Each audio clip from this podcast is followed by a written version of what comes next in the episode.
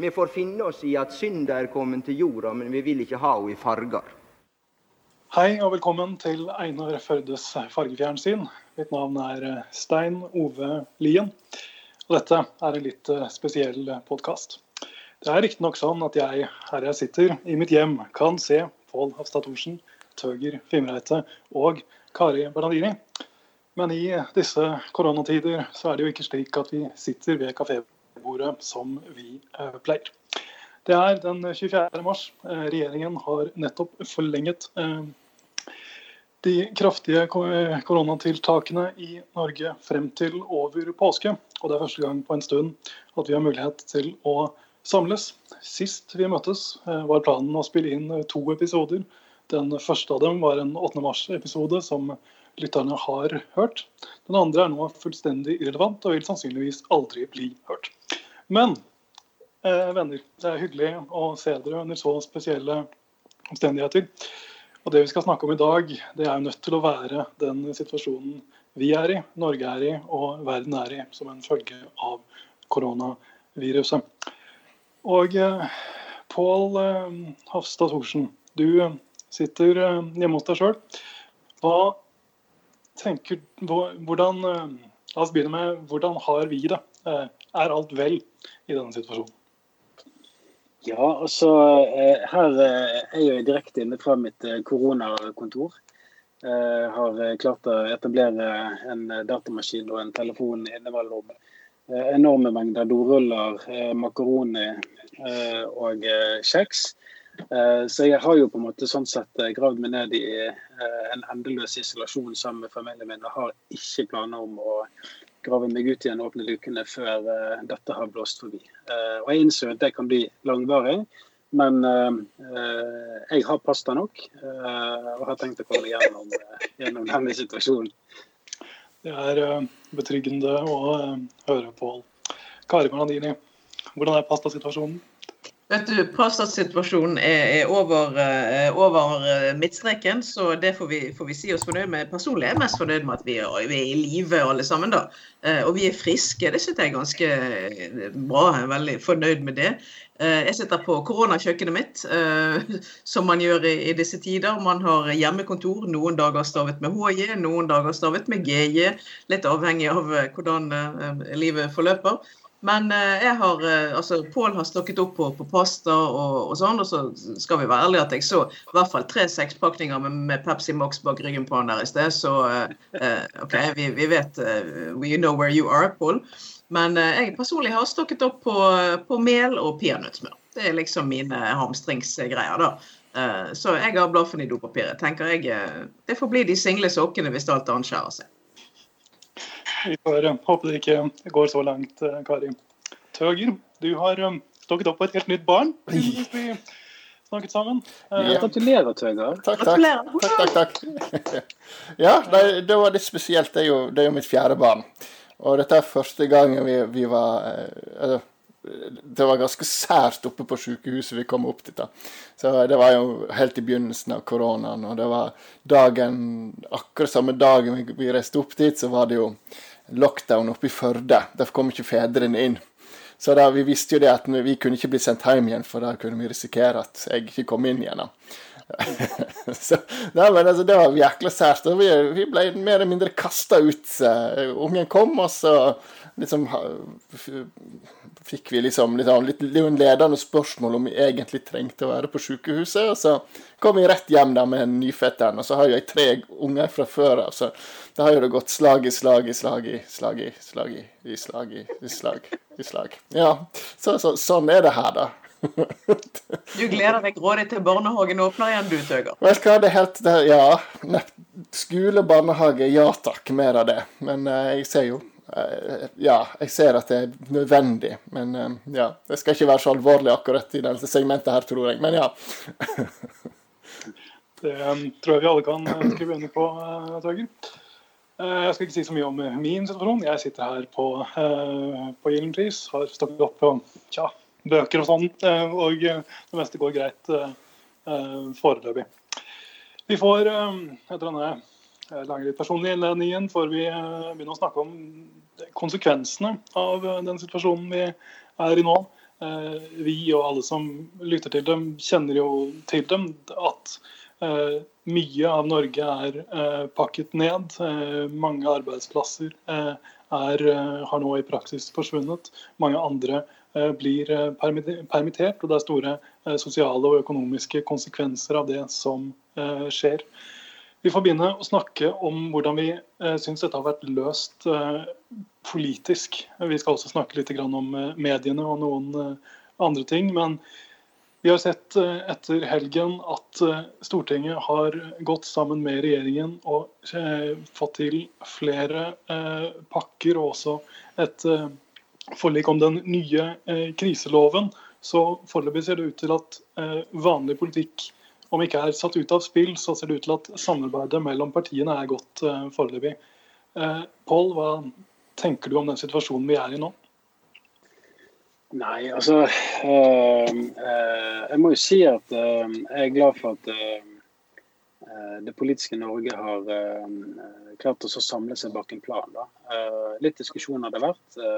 naturligvis gitt Eh, både hva som har pågått og hva som har vært nødvendige tiltak, men også fullmakter regjeringen har ønsket seg. Så det er helt naturlig at det har vært eh, gode diskusjoner rundt det. Og, og sånn sett tenker jeg, Gitt at vi er sosialdemokrater og opptatt av hva som skjer i Arbeiderpartiet, og, og, sånne ting, så har jo Jonas Gahr Støre fått eh, velfortjent ros og kred for måten eh, han som saksordfører eh, har håndtert saker i Stortinget også.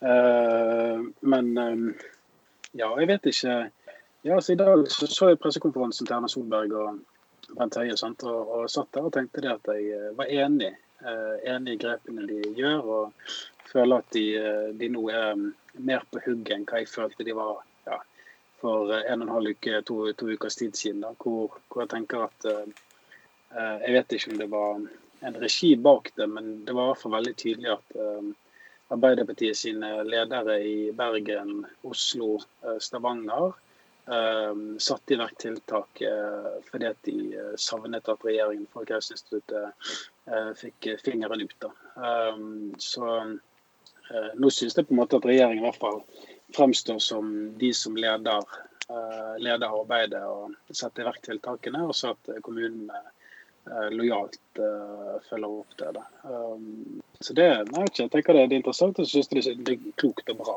at det politiske Norge har i stor grad klart å samle seg. Jeg må jo si at jeg, jeg det, det, er lenge siden altså, Nå er jeg grådig stolt av å være i Arbeiderpartiet. Mm. Eh, det har jeg virkelig kjent på den, den, siste halvannen uken siden dette begynte. Fordi at det regjeringen begynte med av krisetiltak, var slapt, det var dårlig rettet, eh, og det var ikke all verden. Eh, og så ble de konfirmert noe så kraftig av en samlet opposisjon med, med Jonas Gahr Støre og Arbeiderpartiet i spissen. Og det håndverket Arbeiderpartiet har lagt ned, den tydeligheten Jonas Gahr Støre har vist, Eh, Gud vet hvor mange som har kalt han en tåkefyrste og en som eh, du ikke får tak på, det bare bomull. Her har han vært forbilledlig krystallklar. Han har vært tydelig. Det har vært utrolig greit og enkelt å forholde seg til. Han forstår hva han mener. Og jeg må si at det er i kriser du ser hva folk er laget av. Det vil jeg påstå. Jonas Gahr Støre er laget av eh, godt materiale. Det visste vi fra før, men her har han virkelig fått vist eh, ordentlig statsmannskap, syns jeg. Eh, og nå når, når opposisjonen har hva skal vi si, satt, gjort det klart for regjeringen at vi kommer til å være på, vi kommer til å være tydelige, ja, så leverer regjeringen bedre, sånn som de gjorde på, på dagens pressekonferanse. Så jeg, jeg, tror rett og slett at de fikk seg en uh, liten uh, diskré ørefik av opposisjonen, som nå gjør at de, de er vesentlig bedre på kurs regjeringen enn det de har vært før. Jeg tror jo at uh, beklager, Tøger. Uh, jeg tror at eh, det er ekstremt viktig i denne situasjonen at, det er at partiene snakker sammen, at de er lydhøre. Derfor skal regjeringen ha all mulig skryt for måten de har rettet inn etterpå. At de har bidratt til å gi rom til de andre partiene. Eh, og Det eh, er jo eksepsjonelt viktig i denne fasen, men det blir også eh, viktigere etter hvert som kritikken kommer til å komme. Man har jo, Denne kommer løst og fast på forskjellige ting, som vi også skal komme inn på. Men den kan politiseres ganske kraftig ganske kjapt, med mindre alle partiene kjenner seg igjen i den politikken som føres akkurat nå. Det tror jeg er det aller viktigste regjeringen kan bidra med til det politiske klimaet, utenom selvfølgelig eh, alle økonomiske hjelpepakker og eh, tydelig politisk kommunikasjon. Tøgg. Ja. Nei, jeg, jeg, tenkte jo på den eh, krisepakken. Altså, det første forslaget som kom, var jo altså, Høyre gjør som Høyre gjør best. Det at de tenker på, på bedriftene først og fremst. Og eh, jeg er veldig, veldig glad for at eh, Arbeiderpartiet og Jonas Gahr Støre gikk fram og opp og sa ja, men hør, hør her, folkens. Det, vi må ta vare på, på de på, på gulvet, og de som jobber med, med å endre altså permitteringsreglene. Så, så, så jeg syns den uh, Ja. Det, var, det, likte jeg veldig bra. Det var, det var et godt, godt stykke håndarbeid, rett og slett. Politisk håndverk. Så, uh, Så, kan, jeg, kan, jeg, få lov å komme med en breiside? Uh, jeg liker når du kommer med breiside. Ja, jeg vet ikke om verden er helt godt av dette, men nå, nå kommer den. Uh, fordi at uh, altså, Hvis du husker Jonas Gahr Støre hadde jo enormt kredibilitet på den tiden han hadde eh, statsrådposter i eh, Stoltenberg-regjeringen og eh, hadde høy score og var en godt likt statsråd da. Og så har han jo i ettertid, når han har vært Arbeiderpartileder, så har han blitt ja, omtalt som tåkefyrste og utydelig og ja, tidvis udugelig. Og det finnes jo en eh, rekke folk på sosiale medier, kanskje spesielt på Twitter, og spesielt folk med partimedlemskap i eh, Venstre, Eh, de har over lang tid eh, raljert eh, med Jonas Gahr Støre. Begge ja, to? Hvor, ja, ja, ja? Men hvor pokker er venstrepolitikerne nå? Jeg bare spør. Og hvem var det som landet denne saken i Stortinget som saksordfører? Jo, det var Jonas Gahr Støre. Og takk og pris for at enkelte har holdt godt kjeft og ikke omtalt ham som en tåkefyrste nå. For nå var det faktisk klokskapen hans landet trengte for å finne en god løsning i Stortinget.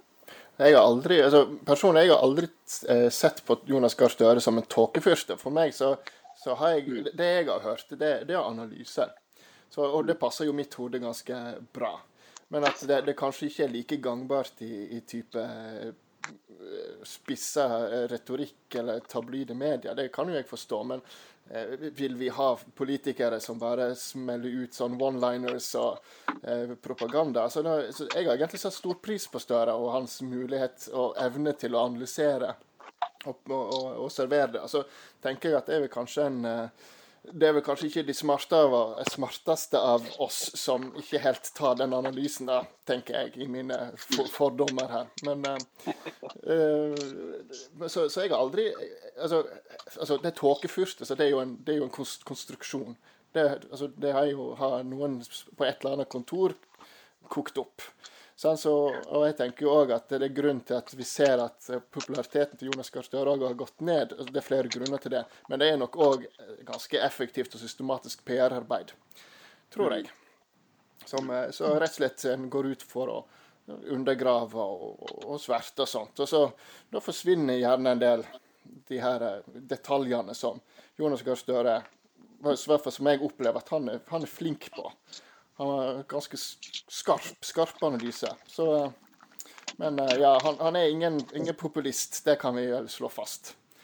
Han er jo på sett og vis en ekstremt dyktig politisk kommentator på, på, på, sin måte. Eh, det er ikke alltid så lurt. Eh, for det er ikke nødvendigvis det som skal være liksom primærrollen til politikere, særlig ikke partiledere, men han er en skarp politisk kommentator. Og eh, det har ikke alltid tjent ham så godt. Det tjener ham eh, sterkt i denne situasjonen. Han er, eh, evner å analysere, og han evner også å, å, samle. Det tjener alle partier på på det nåværende tidspunkt. Jeg har hatt et rant. Jeg sitter med en sterk følelse av at det er flere som har tenkt å si noe om hva som skjer rundt oss, rundt oss nå. Kari Bernardini, er det noe som plager deg med måten eh, koronadebatten og diskursen foregår på? Oh. Ja. det må være tidenes lissepasning. jeg, eh, jeg lover å sette inn de pengene du ba om på den kontoen vi ble enige om. Dette skal vi ordne. Ja. Uh, la, oss, la, oss, begynne med hytteeierne. Uh. Jeg mener, hva pokker er det med folk? Hva i svarte er det som går galt i hodene til folk, når det er viktigere at de får lov å dra på hytten, enn at folk skal holde seg i live? Det er så utrolig, utrolig patetisk. Og jeg gir ikke 2,50 mer for norsk presse etter Erna Solberg sin pressekonferanse i dag, når, eh, når, hun legger frem, forklarer det største inngripene siden eh, i, i, fredstid noensinne, og en eller annen dust rekker hånden i været, jeg tror det var enten Dagbladet eller VG, og sier ja, men eh, hva med hytteforbudet? Du tenker Sa du det? Jeg er så flau. Det er så pinlig. Uff, Pål, jeg tror du må ta over før jeg får en, eh, en blodstørtning. Det var Dagbladet for øvrig. Ja, det var Dagbladet. Ja. Altså, det var siste nådestøtet for den uh, blekka der. Altså. Uh, nei, jeg, jeg, vet ikke. Jeg, jeg, er bare så enig med, med Kari. Jeg la ut et bilde på Instagram så var bare sånn der skrikende med meg. Så bare skrev jeg 'hold nå for faen kjeft om de der jævla hyttene'. Uh, og der tror jeg veldig mange er på, på samme nivå. da. Men for um, altså, Det er klart det er jo mange som er opptatt av hyttene, for all del. sant? Og uh, uh, jeg, jeg, ser logikken i at folk ønsker å søke distanse til der det bor masse mennesker der det kan være tung konsentrasjon av, eh, av, smitte. Altså, la oss si Hadde jeg bodd i Oslo nå, hadde jeg helt klart uh, villet gjerne reist til hytten min. men det, vet jeg ikke er så glad i Oslo, da, men det er en annen ting. Uh, men, men uh, jeg ser liksom poenget med at folk har lyst til å reise til hytten, og at det virker logisk i det også på en måte komme seg vekk fra, fra, fra smitteområder. Men det opplagte ligger jo i at det er jo ikke godt nok helsetilbud og tjenestetilbud hvis du skulle bli syk. Eh, på hytten. Eh, veldig mange kommuner har jo knapt nok eh, gode nok helsetjenester til de innbyggerne som bor der fast. og, og jeg er på vei til å knekke nakken hvis de da også skulle få noen titalls hytteeiere som også skulle bli syke på veien. Og Det på en måte tenker jeg, det er vel gjerne hovedpoenget i hvorfor man vil at folk skal bli, bli hjemme. da. Uh, ja. Men du har jo hytte på. Du, altså, du ofrer noe her. Få høre. jeg føler ikke jeg har uh, ofret uh, en drit, det må jeg si. Altså. Men, men uh, vår plan som familie var jo at hvis, hvis, det skulle bli en langvarig lockdown, sånn som vi er nå, at det er en uh, unntakstilstand, så var jo vår plan å reise ut i Øygarden. Sånn 50 minutter fra Bergen. og Da kunne barna være ute og leke uten at vi på en måte skulle slippe å bekymre oss for eh, smitte og andre ting. Og, og vi hadde lekeapparater der vi hadde mulighet til å gå og fiske. og på en måte Vi, vi kunne ha opprettholdt eh, et godt liv eh, på hytten, jegeren. Eh, eh, kontra det at vi kjenner at vi blir mye begrenset når vi er i Bergen. sant? Eh, helt naturlig. Men, men, det er klart at som et eksempel, Den dagen jeg godt kunne tenkt meg å reise ut i Øygarden, så fikk tilfeldigvis jeg litt feber, og dagen etter ene datteren vår litt feber fordi vi har ørebetennelse. Og da, da, tenkte jeg gjennom det at, at uh, så klart skal ikke jeg være i Øygarden hvis jeg blir syk nå. Uh, jeg vet jo ikke om jeg uh, er smittet av noe annet som kan bryte ut noe sterkere om ti dager.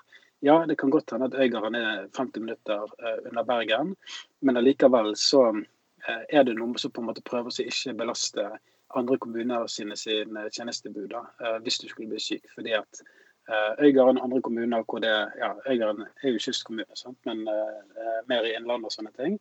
Jeg vil ikke klare å håndtere det. da. Så Jeg føler ikke jeg har gitt avkall på, på, noe. Jeg har det helt greit i Bergen, men det hadde vært kjekt for all del å vært i Øygarden. Mm. for det er, vel, det er, jo det som, som er den, ty den, tydeligheten jeg opplever òg fra, fra regjeringen, er at det er jo ikke for for å begrense smitten, det er jo rett og slett for at en har ikke kapasitet. Hol kommune gikk jo ganske tidlig ut og sa men vi, når det kommer over 30 000 hytteturister på, på, uh, inn i kommunen, har det ikke sjans til å, å klare å, å, å, håndtere det. Og, og, det er jo på en måte, det, det de tenker, tenker ikke på det heller, disse som skriver sinte kronikker. for ja, men 'Jeg vil til hytta mi, dette er inngripen i min, mitt privatliv eller mine rettigheter osv. Så, videre.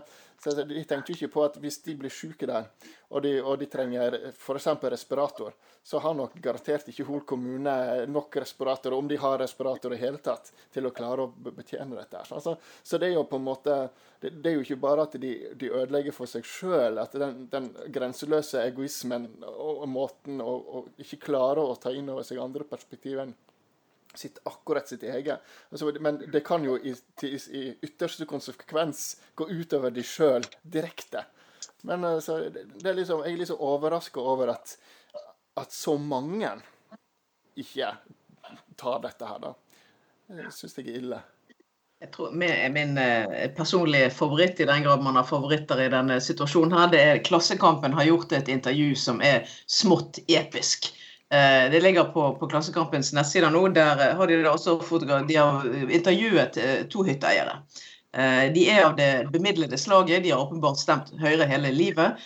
Og de sitter De poserer da i sitt svært elegante hjem mens, mens de sier ja, hvem skal man stemme på nå, da, når Erna har støtt hyttefolket fra seg?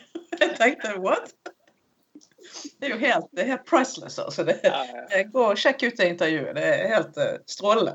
Helt uh, strålende. Og, det er jo da fantastisk, sant. Uh, når først Helge André Njåstad, FrPs Wonderboy som skrev reiseregninger med gaffel, prøver å gjenoppstå som politiker med å tale hytteeiernes sak.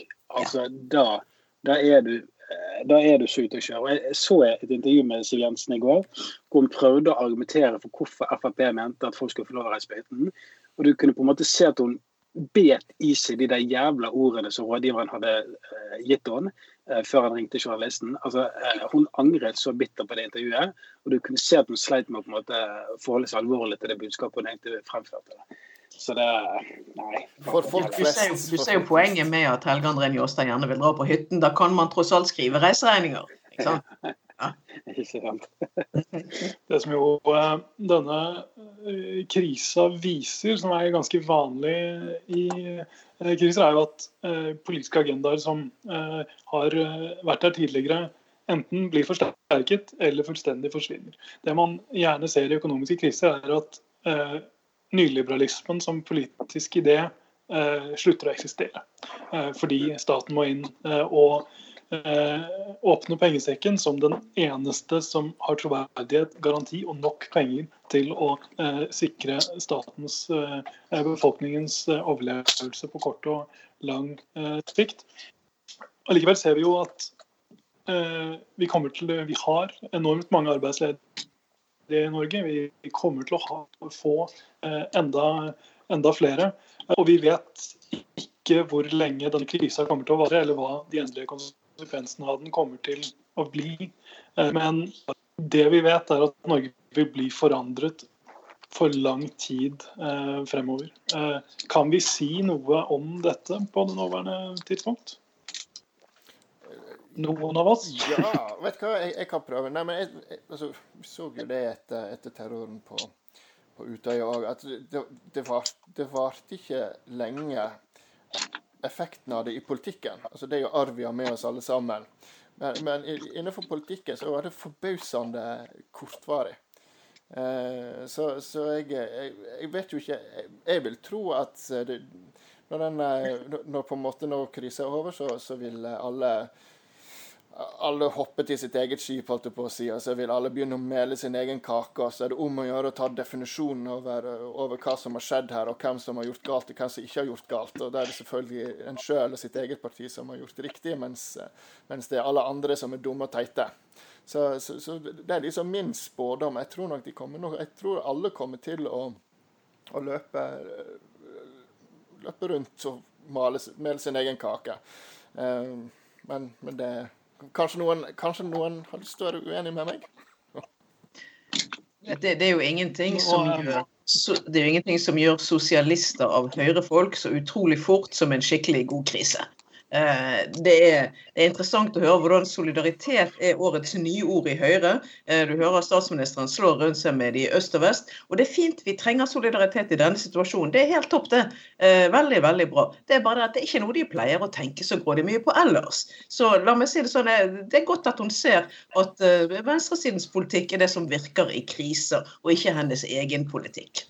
Men Ove, du ba oss egentlig si noe fornuftig om hvordan Norge skal se ut fremover. Her henger vi oss jo bare opp i uh, politisk flisespikkeri, og det er ikke det sikkert vi skal gjøre i denne situasjonen. Pål, jeg er helt sikker på at du har gode tanker om dette. ja. Uh, uh, altså, hvis jeg kan trekke en litt rar parallell, kanskje, men ja, så okay, hvis vi tenker på 22.07. Hvis vi tenker på etterspillet etter 22.07 eh, som var en såpass eh, alvorlig hendelse for Norge som nasjon og for det politiske Norge, eh, så er det jo ufattelig lite vi har lært i ettertid av 22. juli. Så jeg er dessverre ikke så veldig overbevist om at vi kommer til å lære så veldig mye etter koronaviruset heller. Jeg har en følelse av at denne solidaritetsfølelsen vi nå går med, eh, kanskje det kommer til å henge med en stund fremover. Jeg håper jo at dette kan være en vekker for folk i at hvis vi klarer å vise det samme engasjementet for å slippe å bli smittet av et virus, at vi kanskje kan vise det samme engasjementet også for klimasaken. Det hadde jo vært veldig kjekt.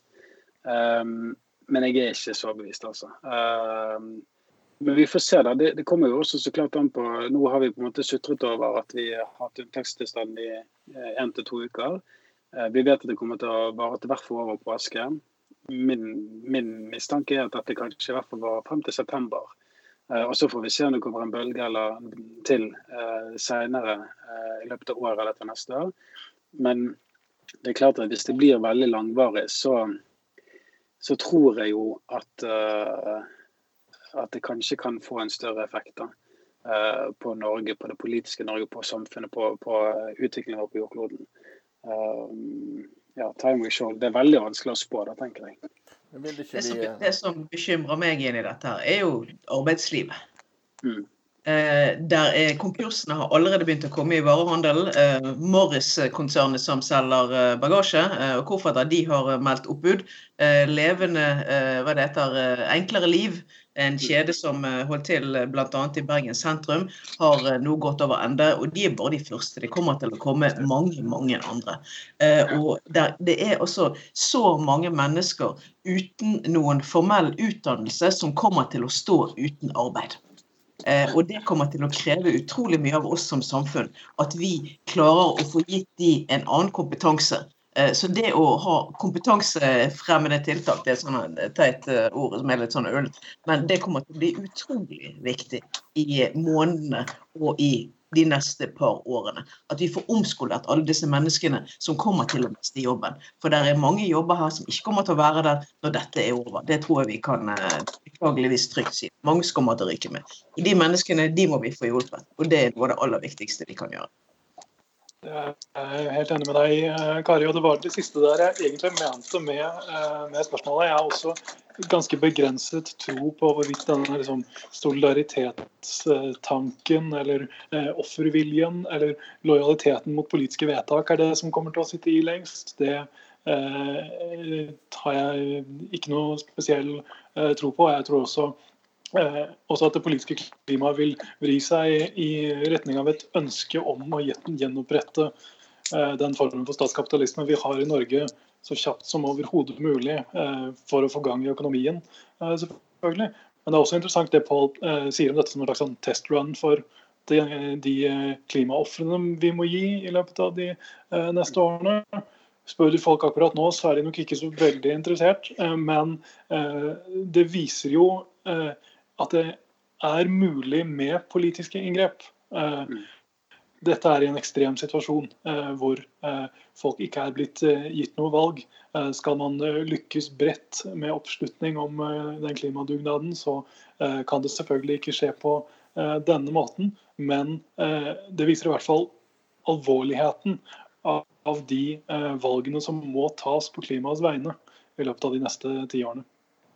For, det, for, for, å være liksom eh, For å være litt positiv òg, nå føler jeg jeg har vært kjempenegativ hele veien. Så nå skal jeg være litt positiv òg. Men altså, det som er positivt, det er jo den enorme omstillingen vi har gjort. Altså, Samfunnet har bare, bare pang, bråstopp, og så har vi snudd om på, på femøringen, tror jeg det heter.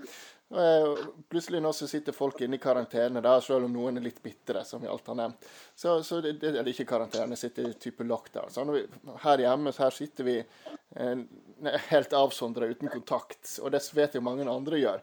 Eh, så, og dette her har skjedd veldig fort. Så du forteller jo oss òg det at vi er tilpasningsdyktige bare vi opplever krisa eller trusselen som stor nok. Så, så, det er nok kanskje der at det med, med klima det virker så uh, ullent, så lite konkret. Uh, mens uh, Men altså, egentlig så er jo den, den koronaen her òg ganske ullen og konkret. For det er, det er ikke så mange som har omkommet ennå. Uh, altså det er for all del, det er mange. altså her i Norge. Så vi, vi begynte jo å skru ned, altså skru ned samfunnet vårt når en først oppdaget at, eh, at, de ikke hadde kontroll på hvor viruset kom ifra. At det, det, var, ikke, det var løst inni befolkningen. Det ikke, kom ikke lenger utafra. Så, så, det var da en på en måte gikk til lockdown. Så, så, så enda så er det jo ikke mange som har blitt alvorlig syke, selv om det begynner å komme en del av det, for det tar ca. 14 dager. Uh, og så tar det noen uker etter det, 14 til 3 uker før, før en på en måte enten at den, blir, ja, at en omkommer av det. da. Så, så, så, så det tar, tar, jo tid. Så, det vil jo komme. men allerede før de, de store signalene og de store dramatiske hendelsene har kommet, så gikk vi i lockdown. Så, Det forteller jo kan jo kanskje fortelle oss at dette her, det, det får vi til, hvis vi vil. Jeg må si at uh, en av de, i, et anfall av bitte lite grann nasjonalisme, så er jeg grådig glad for at jeg bor i Norge akkurat nå. Uh, som er et land som, tar, som, har systemer for å håndtere disse tingene, eh, som var tidlig ute med å stenge ned, og ikke minst som har en befolkning som er ganske digitalt oppegående. Eh, og det ser vi, det hjelper oss utrolig nå. Når du ser hvordan vi har klart å få skoleelever over på digitale flater, hvordan vi sitter her og har uh, lager podkast uh, på Skype, og hvordan stort sett hele befolkningen har snudd seg rundt på så kort tid. Det er utrolig mange land som ikke hadde klart det i det hele tatt. Men her i Norge har vi klart det. Og det er en utrolig fin greie. Og det skal vi være litt stolte av at vi har hva skal vi si, brukt pengene våre fornuftig da, til å sørge for at folk kan sånne ting. Men uh, kan jeg eh, skyte inn en ting uh, i forlengelse av det som Tøger sier? Fordi at um, um, Jeg tenker jo at um, det, det, koronaviruset på mange måter har, har, vist oss, det er jo at folk er villige til å la seg bli ledet. De er villige til å følge en plan hvis bare politikerne bestemmer seg for noe.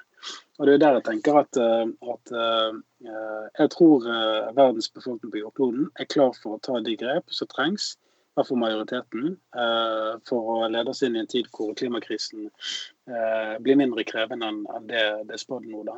Men det forutsetter at politikerne klarer å enes om planer. Og det er klart at Når du har sånne stupide politiske ledere for enkelte land, ja, la oss si Donald Trump, som trekker landet sitt ut av um, viktige um, traktater og samarbeidsavtaler med resten av verden uh, når det gjelder miljø og, og klima, så, så, på en måte forvitres jo de mulighetene man har. Da.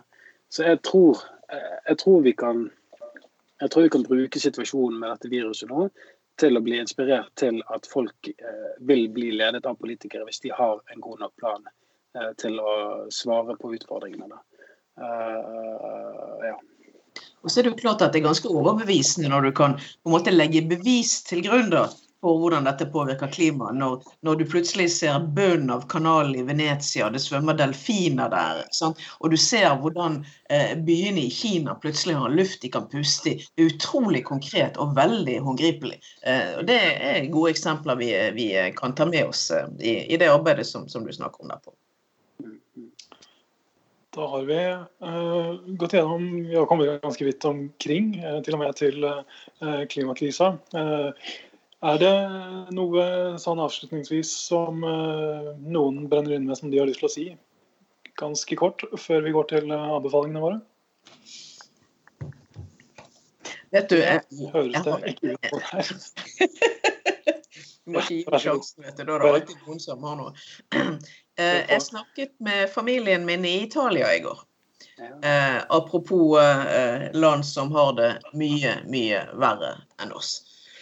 Og de eh, har det jo eh, etter forholdet bra, heldigvis. Men eh, det er klart at de er, de er altså ute av leiligheten sin én gang i uken. Det er den kvoten de har til rådighet. Én gang i uken er de ute og handler mat. Og resten av tiden befinner de seg innendørs. Alle kommunegrenser er jo stengt. De kan ikke Min italienske mamma kan ikke besøke noen av sønnene sine som ikke bor langt unna, men det er en kommunegrense imellom. Så, så, sånn er det. Så hun er, hun er heldig som evner å, å, kjøre bil og kunne ta dette inn over seg. Men alle kjenner jo noen som kjenner noen der. Altså, Så utrolig svært har det blitt. Og så stor er redselen for at dette skal gå galt. at de, ja, de, de, murer seg fullstendig inn i det. Altså I forhold til det vi driver med i Norge, så er dette bare barnemat i forhold til hva de må, må gå igjen. Sånn går det for øvrig også når et samfunn og en stat ikke har kontroll på, på, på disse tingene og ikke har rutiner for å håndtere det når det dukker opp. Nok en gang, jeg er glad vi bor i Norge akkurat nå. Det er jo, jeg tenker det er jo et tanke det er jo et lite tankekors også, beklager Stein Ove. Men det er jo også et lite tankekors når, den norske presse eh, i går jublet over at eh, det var færre døde av koronaviruset i Italia enn de foregående dagene kontra i dag, hvor plutselig tallet skyter rett i været igjen. Eh, de aller høyeste. Ja. Eh, altså, vi, vi, kan på en måte Pressen må roe ned når det gjelder på en måte dette å innkassere eh, siste nytt og positive eller mest negative nyheter. Nå må vi bare ta det jævlig rolig, og så må vi bare se det an. Og så må vi bare bite tennene sammen for at vi har eh, rustet oss godt nok for den bølgen som kommer nå. Nå sa de på pressekonferansen tidligere i dag at eh, de tror, for dette, dette, er vanskelig å vite eksakt, men vi, man tror at vi nå er på vei inn i det jeg tror de kaller steg to eller fase to. Uh, og det vil si at det nå på en måte uh, vi vil se om vi var godt nok forberedt uh, på det som vi treffer. ja, og jeg, jeg, jeg, jeg, tror faktisk vi kommer forhåpentligvis ikke til å få det samme situasjonen som Italia og Spania. Men vi må være forberedt på at dette blir langt, langt verre enn det vi egentlig helt klarer å forestille oss. Yes. Uh, det var um, uh, sobre ord fra Pål uh, på, på, slutten her. Jeg skal bare legge til at um, det som er Det som gjør Norge så mye bedre rustet enn de fleste andre land, er ting vi snakker om praktisk talt i hver eneste podkast. Det handler om tilliten mellom folk, det handler om den relativt høye tilliten til politikere. Det handler om den fortsatt relativt høye tilliten til Eh, mediene og om våre økonomiske muskler, selvfølgelig. Eh, og mediene har her en sentral eh, rolle å spille. Stort sett gjør de det bra, de får ut informasjon til folk. og og tilliten folk har til mediene stiger voldsomt. Det ser man f.eks. i en ny undersøkelse fra Danmark denne, denne uka. Men det er også mulig Eh, og puste med magen og ikke hive seg på alt. Og eh, gjøre alt til nyheter. Når man vet, og det vet de, eh, at dette eh, er ting man ikke kan eh, rapportere om så bombastisk eh, som man gjør. Jeg tror heller ikke det har noe godt for folkesjela å bli så overøst med nyheter ustanselig. Jeg merker det sjøl at jeg kuraterer betydelig kraftigere i hvordan jeg tar inn medier, og jeg leser færre medier enn tidligere. Og mine vanlige 100 nyhetspodkaster fra rundt om i verden er tynnet voldsomt ut og erstattet med en del noe lettere greier. Og eh, apropos lettere greier, dere. Er det noen som har noen eh, anbefalinger til oss? Jeg føler det trengs på en dag som eh, denne.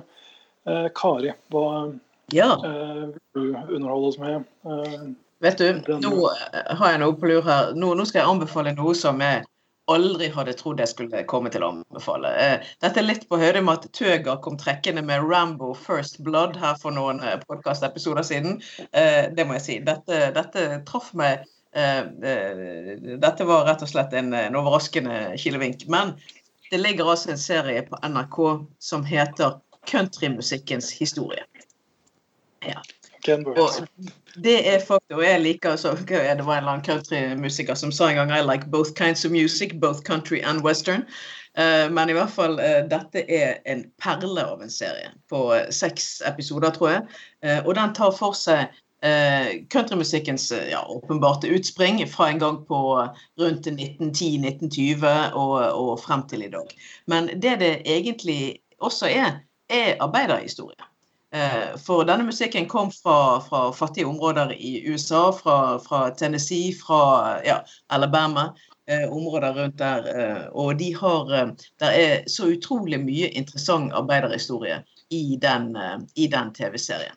Kombinert med hvordan musikk vokste frem, eh, så er det en, en, knallgod serie som jeg har sterkt lyst til å anbefale. Det er countrymusikkens historie som finnes på NRK nett-TV, så vidt jeg vet. Ja. Uh, Tøger, uh, hva har du nå? uh, ja, nei, vet du hva. Jeg, jeg, I dag så tenkte jeg skulle gå litt bredt ut. Um, nå i disse koronatider så, så, så, så jeg har blitt storkonsument av ulike remedier på nettet. Noe av det jeg har begynt å se mye på, er TikTok. Og det her er, det det er en app du laster ned. Det er masse korte videoer på maks 60 sekunder. Og da er det både dansende jenter i alle aldre og, og morsomme små snutter. Og det, altså, du, det, du, får masse rart inn. Um, men greien er at jeg er såpass gammel at jeg burde egentlig ikke se på det. Så min oppfordring her er jo at alle går på TikTok. Altså, Nå har oss gamlinger vi har overtatt Facebook, vi har tatt, overtatt Snapchat, vi har overtatt Instagram. Og nå er det jammen meg på tide at vi har overtatt TikTok òg. De kan ikke få ha det i fred. Nå må foreldregenerasjonen gå inn på TikTok og jage vekk disse små drittungene, sånn at vi kan ha det kjekt der òg. Så det, det, min anbefaling er rett og slett eh, kamp her. Fremmedkamerater og så videre. ja. TikTok, altså. Jeg, jeg syns det er sjokkerende. Ikke, ikke, ikke, bare, ikke, bare, skal vi sørge for at ungdommene mister jobbene fordi vi permitterer de først, men nå skal vi faen ta fra de TikTok også. Altså, det, det er ikke grenser. Ved starten av dette året var Tøger jævlig bekymra for at det ble en generasjonskonflikt, um, som han gjentok flere ganger i en debatt vi hadde. Og her er han i gang med å ødelegge ungdommenes siste fristed. Takk, Tøga. Mm. Vær så god. Tusen takk. Pål, hva har du til oss? Nei, altså, jeg tenker jo eh, eh, Vi er jo inne i en krevende tid. Eh, vi venter alle på at eh, Reece Widowspoon skal komme med 'Lovely Blond 3'. Eh, skulle egentlig ha premiere i mai. Eh, alt tyder jo på at den kommer til å ryke til. Så eh, jeg studerer jo deltidsstudier på, på BI. Jeg skal ha eksamen i bedriftsøkonomi og, og arbeidsrett i løpet av eh, denne koronavåren. Eh, og det hender jo at jeg av og til ser på noen av mine medstudenter og tenker at eh, de hadde passet rett inn i Lovlig blond-filmene. Så jeg tenker jo at gitt den tiden vi nå eh, er i, eh, så trenger man litt lettbeint underholdning. Uh, og Da anbefaler jeg rett og slett Lovlig blond 1 og 2, uh, mens man kan lade opp til Lovlig blond uh, 3. og så har jeg en anbefaling til. da, og det er jo at Hvis du, hvis du har lyst til å kjenne på noen som har det verre enn deg sjøl, her du sitter i lockdown og karantene og spiser gammel pasta, så bør du slå på Netflix og se sesong én av Sunderland til I Die Eh, som ja. straks kommer med en sesong to, uh, 'Sunland til en deg' sesong to. Som da er en lidelse av en reality-serie, kan vi kalle det, en dokuserie, som handler om fotballklubben Sunderland og sitt, sin evige jakt på suksess, som bare er fullstendig katastrofe og nedrykk på nedrykk på nedrykk. Og jeg tenker Det å være supporter for Sunderland, det det er nok sannsynligvis uh, verre enn døden. Uh, fordi at man slipper aldri fri. Uh, så, så, det er der min anbefaling. Det er 'Sunland Till I Die på Netflix. som 1 er tilgjengelig nå, sesong 2 kommer 1.4. Står det i mine notater for min anbefaling av Sunderland Till I Die sesong 2. Da skal jeg umiddelbart bla videre til, min, til den andre potensielle anbefalingen min. og her står det at uh, fredag den 20. mars så kom uh, den første skiva til Conan Gray. Den heter Kid Crow. Han er en guttunge på 21 år som uh, har noen populære singler og en EP bak seg. Han slo seg opp på YouTube, du vet, ungdommens fristed. Først som tradisjonell videoblogger, seinere som musiker. Det minner en hel del om eh, f.eks. Eh, den mer kjente Troy Sivan. Og det musikalske universet hans har også en del likhetstrekk. Produsenten har jobbet med Carly Ray Jepsen, som også er svært tydelig på førstesingelen 'Maniac', som er varmt anbefalt. Troy, eh, fra Troy Sivan så er evnen til å pakke sorg og tristesse inn i svært oppløftende lydbilder meget gjenkjennelig, og iblant eh, noen er uimotståelig. Han skulle ha startet europaturneen sin i eh, Oslo i eh, april. Det tror jeg vi får se på om skjer, jeg tviler på det. Men dette er en 33 minutters poppakke av rein inderlighet som lett kan anbefales. Det er Kid Crow av Conan Gray, tilgjengelig nå der du strømmer musikk. Og med det, eh, venner, så tror jeg vi har kommet til slutten av nok en episode av Einar Førdes eh, fargefjernsyn. Eh, Nok en gang er det slik at jeg tror jeg glemte å nevne at vi er et politisk og populærkulturelt skravlekollektiv for folk trygt plassert på eh, venstresiden. Jeg håper vi høres igjen, både lytterne våre og de som har sittet med meg over Skype. Det er Pål Hafstad Thorsen, Tøger Fimreite og Kari Bernadini. Jeg heter Stein Ovelien. Vi håper vi høres snart.